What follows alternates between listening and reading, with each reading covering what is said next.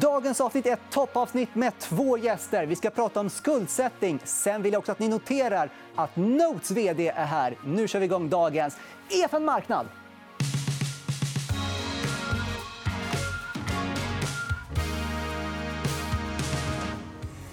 Yes, och då vill jag välkomna er båda två hit.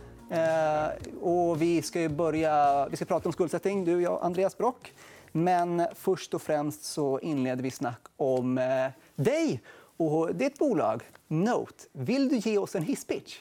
Absolut. Note är ett bolag vi kallar oss för ett av norra Europas eh, mest framgångsrika kontraktsproducenter inom elektronik. Det innebär att vi producerar andra kunders produkter, till exempel eh, laddboxar till ChargeAmp eller belysningsutrustning till Plaid och så vidare.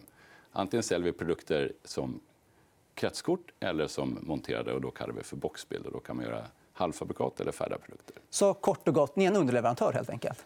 Ja, vi kallar oss för, för produktionspartner, då, men, men absolut, underleverantör går lika bra. Och med det så blir man ju nyfiken på... Nu pratar alla om att produktion ska flytta hem.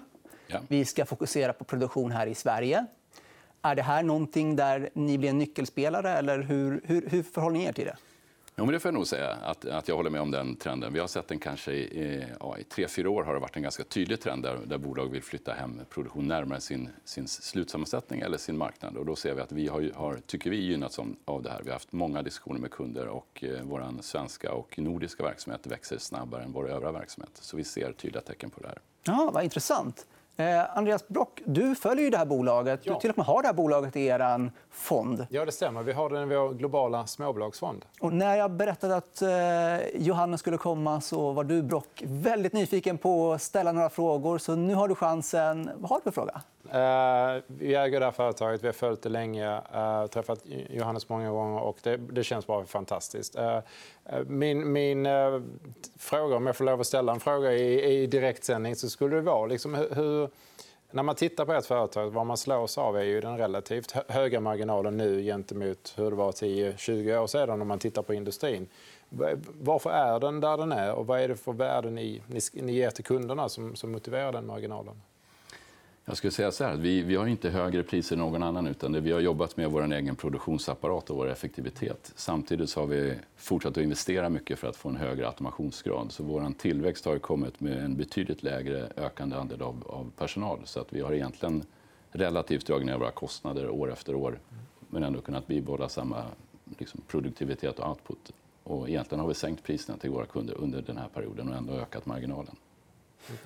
Om vi tar en annan fråga, Johannes. Kring, eh, man pratar väldigt mycket om att råvaror har ökat i priser globalt. Och då ser vi också att det finns speciella komponenter som har ökat mer än andra.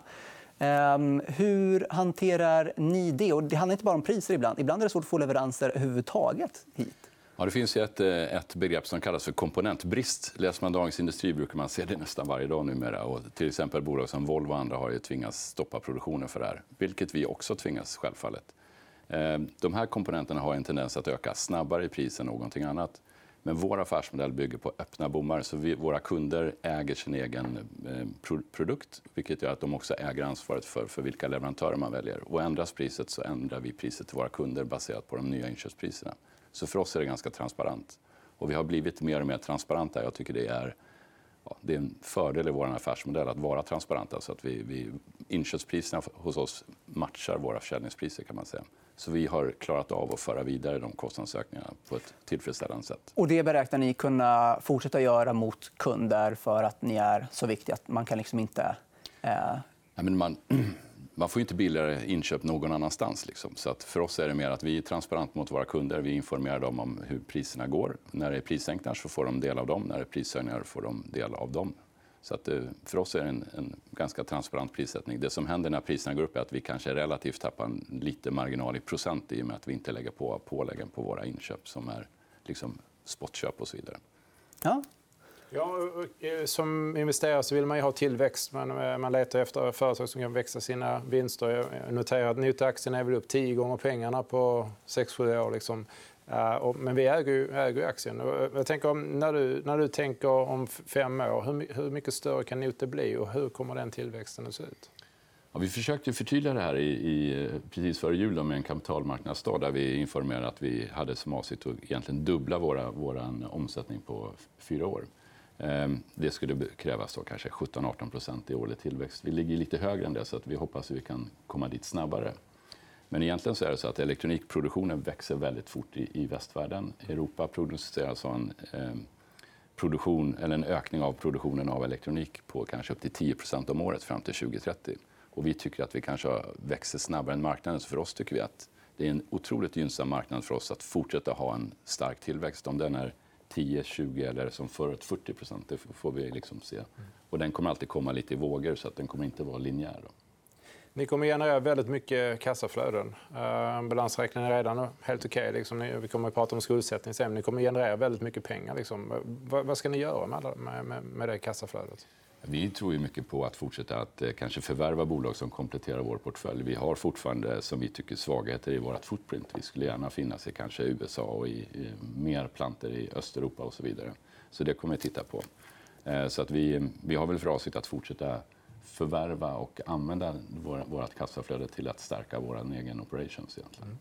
Men Johannes, det här är intressant. Du snackar om förvärv och att ni vill stärka er footprint. Vad är det ni specifikt letar när ni ska hitta någonting som ska vara en förvärvskandidat? Vad behöver de? Finns det några kriterier som är viktigare än andra? Absolut. För det första så kan man säga vi, vi tittar, vi, vi har några strategiska mål. Det ena är att, bli, att öka vår produktionskapacitet i lågkostnadsländer, det vill säga Östeuropa. Idag. Eh, sen tittar vi på om det finns geografiska marknader som vi tycker vi, vi borde bli bättre på. Där nämnde jag USA. Tyskland är en annan sån marknad som vi också tittar lite extra på.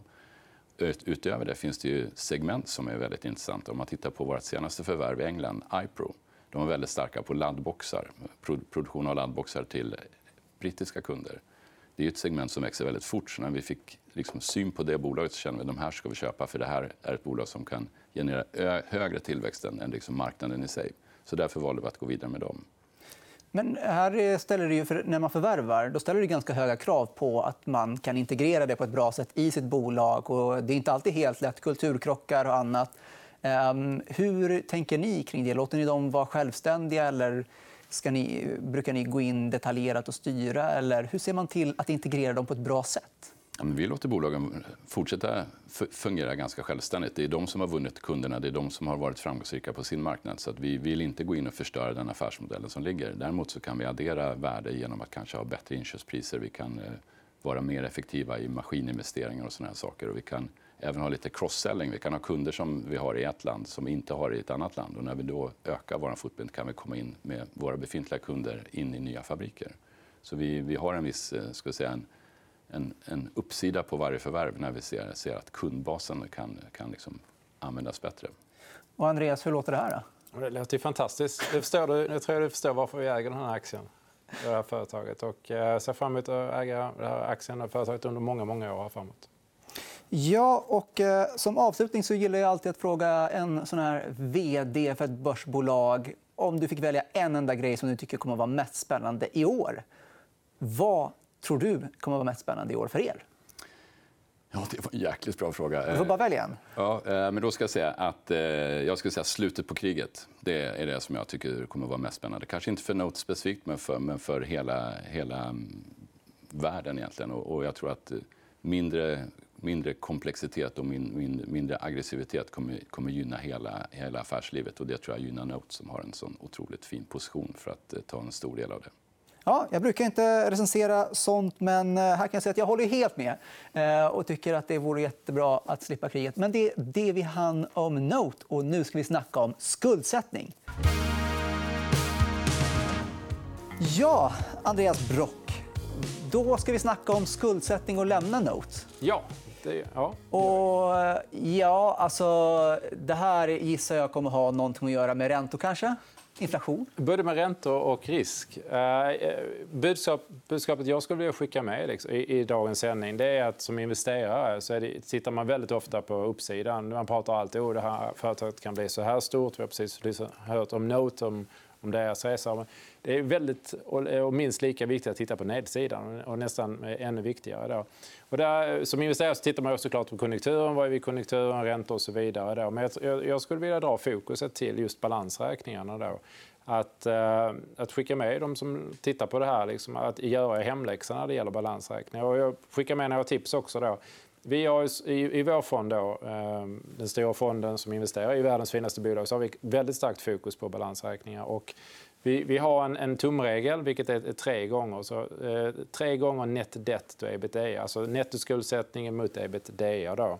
Ebitda är ju vinst före avskrivningar och amortisation. Och det är ju ett grovt sätt för, för kassaflöde. Det är ju inte ingen perfekt proxy, men det är ett grovt sätt. Och, där, och det redovisas alltid nästan i alla årsredovisningar. Och det, jag tycker att man ska se upp där för, för de företag som är över tre och liksom, eh, och skicka med det att i den, i den här sättningen i marknaden vi befinner oss. Liksom att se till att, att verkligen dina investeringar har en bra skuldsättning. Så kort och gott, man går i balansräkningen, scrollar ner till skuldsättningen, drar av för kassa och annat. Som, ja, precis. Ja, då har du nettoskuldsättningen. Ja. Och sen dividerar du det på ebitda som du hittar för året Precis. i resultaträkningen. Och har du till och med tur så i de flesta fallen så kommer företagen själva att skriva ut eh, netto och ebitda. De kommer själva, ration kommer att hitta där. Och det, och, det är viktigt att förstå. Liksom, vi har satt en gräns där på tre. Att är det över tre så är det liksom... Det, det, kan, det kan ju hända att den är över tre och det kan finnas speciella förhållanden. De gör ett stort förvärv, de ska snart in nytt kapital eller någonting. Men rent allmänt så är det liksom en, en riktlinje. Då.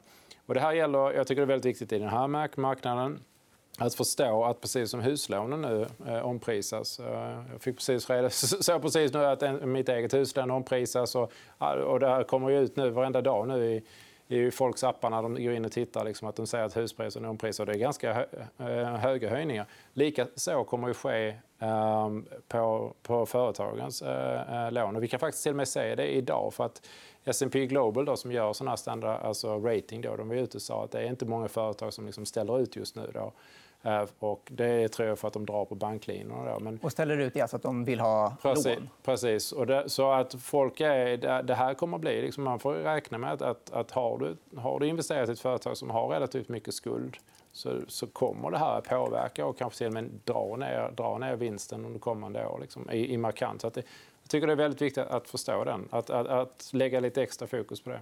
Så översiktligt, det du egentligen verkligen fokuserar på nu det är att se ifall bolagen har förmåga att betala högre räntekostnader.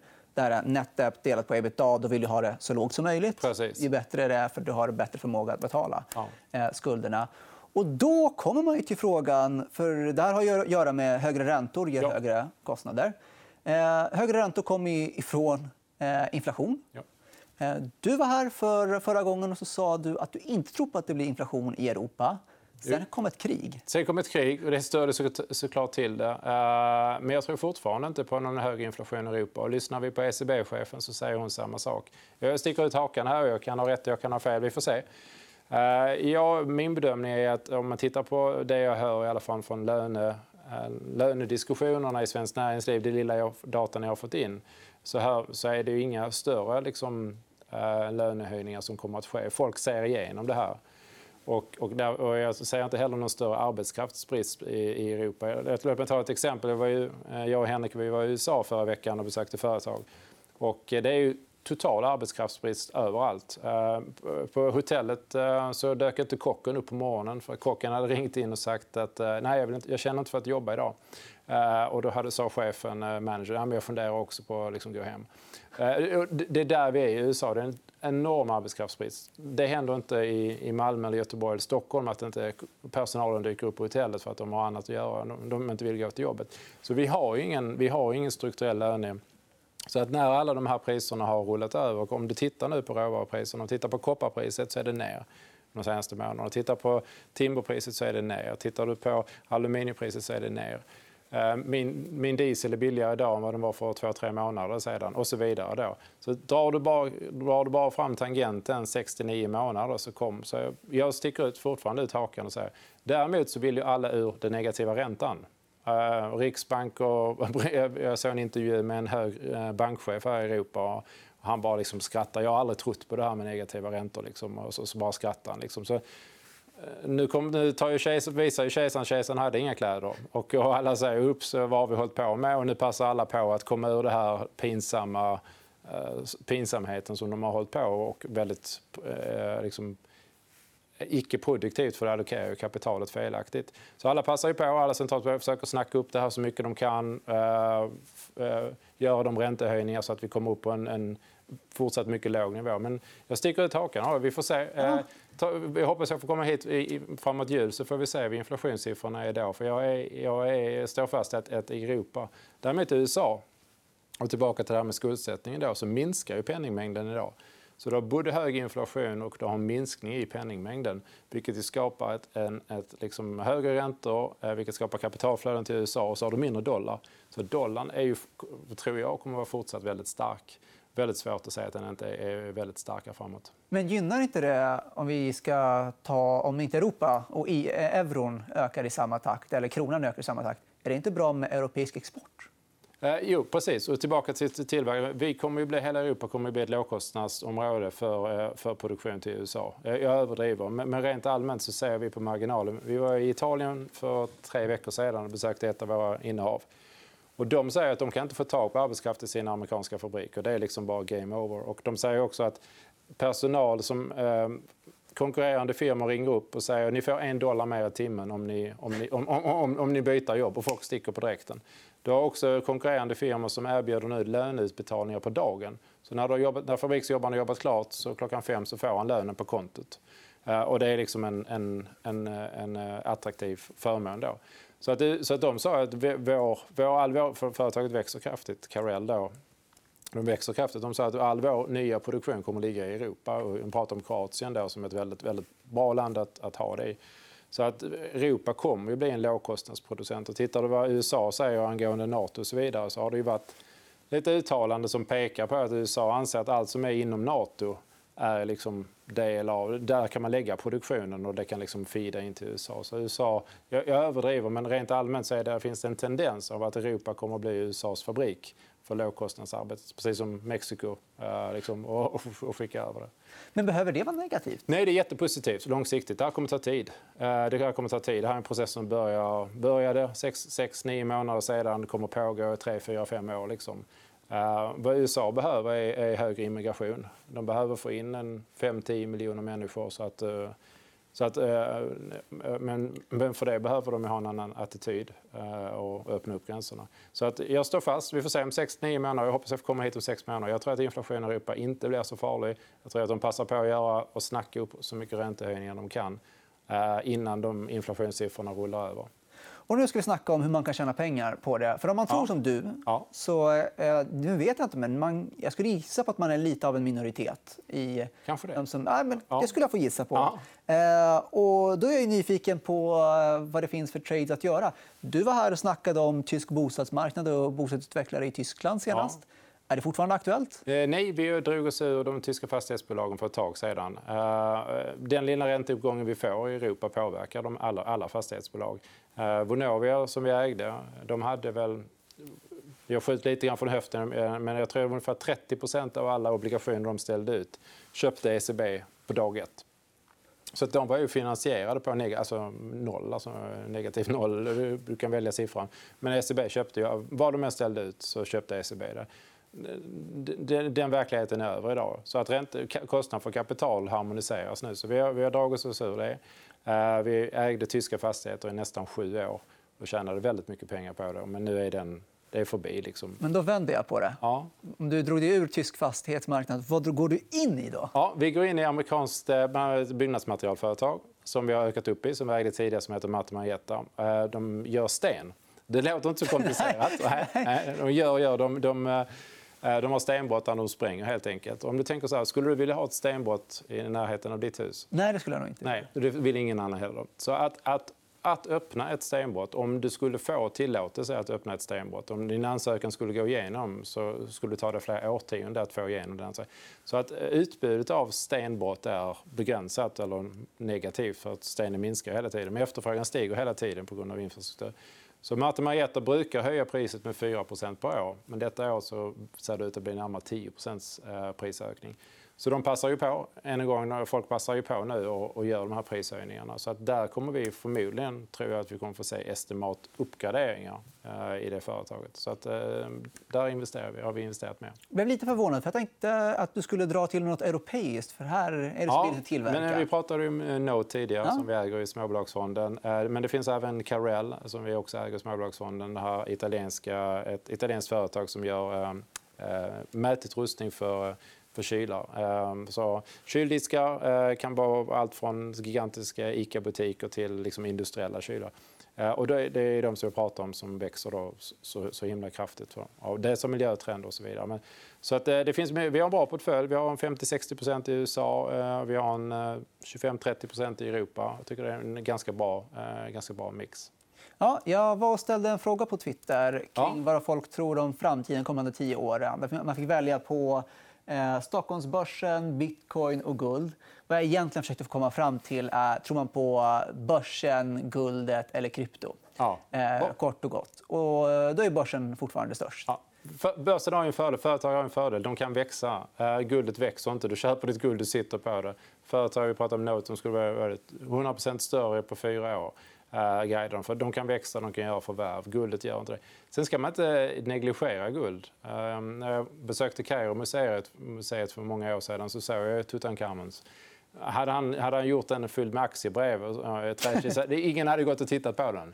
Guld är ju det eviga värdet. Eh, så att, eh, det här är viset jag ser på guld och jag tycker det fungerar ganska bra. Du tar alla pengar i världen, eh, M2 då, ett, ett mätt på penningmängden, och så dividerar du, tar du penningmängden så dividerar du med antal ton guld det finns, eller kilo då, och så får du fram ett guldpris då. Vilket då betyder att i perioder när du trycker väldigt mycket pengar, och jag tror du hade en graf där på guldpriset. Just det. I, i perioder när du trycker väldigt mycket pengar, men, men, men guldet är ju konstant. Så ja. du säger, så om toppnämnaren går upp men bottennämnaren inte går upp så går, ju, så går resultatet upp. Det är det du säger. Ju mer du trycker pengar... Och du säger, och vi har tryckt mycket pengar. Du har tryckt mycket pengar. Du ser ju effekten där efter corona så, så går guldpriset upp. Nu går vi in i en period när amerikanerna till och med ska minska penningmängden, i alla fall hålla en stabil. Fed kommer att minska, vi får se hur de andra M-värdena äh, reagerar. Men vi är ju i en miljö där penningmängden inte expanderar på samma sätt. Jag tror inte de kommer kunna hålla på så länge som de påstår. Men det är i alla fall där vi är just nu. Så att det, det i så fall skulle vara, vara en tendens för att guldpriset kommer att vara relativt stabilt de kommande åren. Men man, man ska inte i en portfölj ska man inte negligera guldets kraft för det är alltid där. Liksom. Och, eh, om jag bara tar någonting från uppstuds. Så, eh, det känns som du har bra koll på Europa. Nu snackar man om att man ska göra sig oberoende rysk olja och gas. Ja. Eh, vi måste ha värme på vintern. Ja. Det känns som det finns ganska många investeringsmöjligheter för många bolag att eh, finnas i den sektorn. Att men vad kan det vara, värmepumpar eller solceller eller vad det nu kan vara.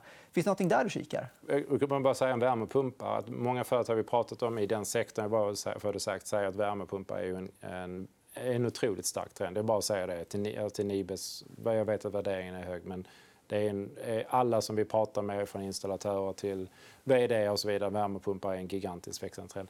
Eh, vi, vi, I vår eh, form, vi sysslar inte med energi, vi tycker inte vi har någon edge på det. Vi har aldrig riktigt förstått, vi investerar inte i olje och gasbolag och vi har aldrig riktigt känt att vi har någon, någon edge på det. Jag tycker det är en svår bransch att analysera. Så även om vi hade velat så hade vi nog inte varit duktiga på att investera i den. Så vi håller oss, vi håller oss från den sektorn. Men om Nibe hade varit lägre i värdering? hade du... Oh ja. oh, ja. ja men det får avsluta dagens eh, EFN-marknad. Vi är tillbaka på onsdag. Det får ni inte missa. På återseende. Och tack för att du var med. Tack så mycket.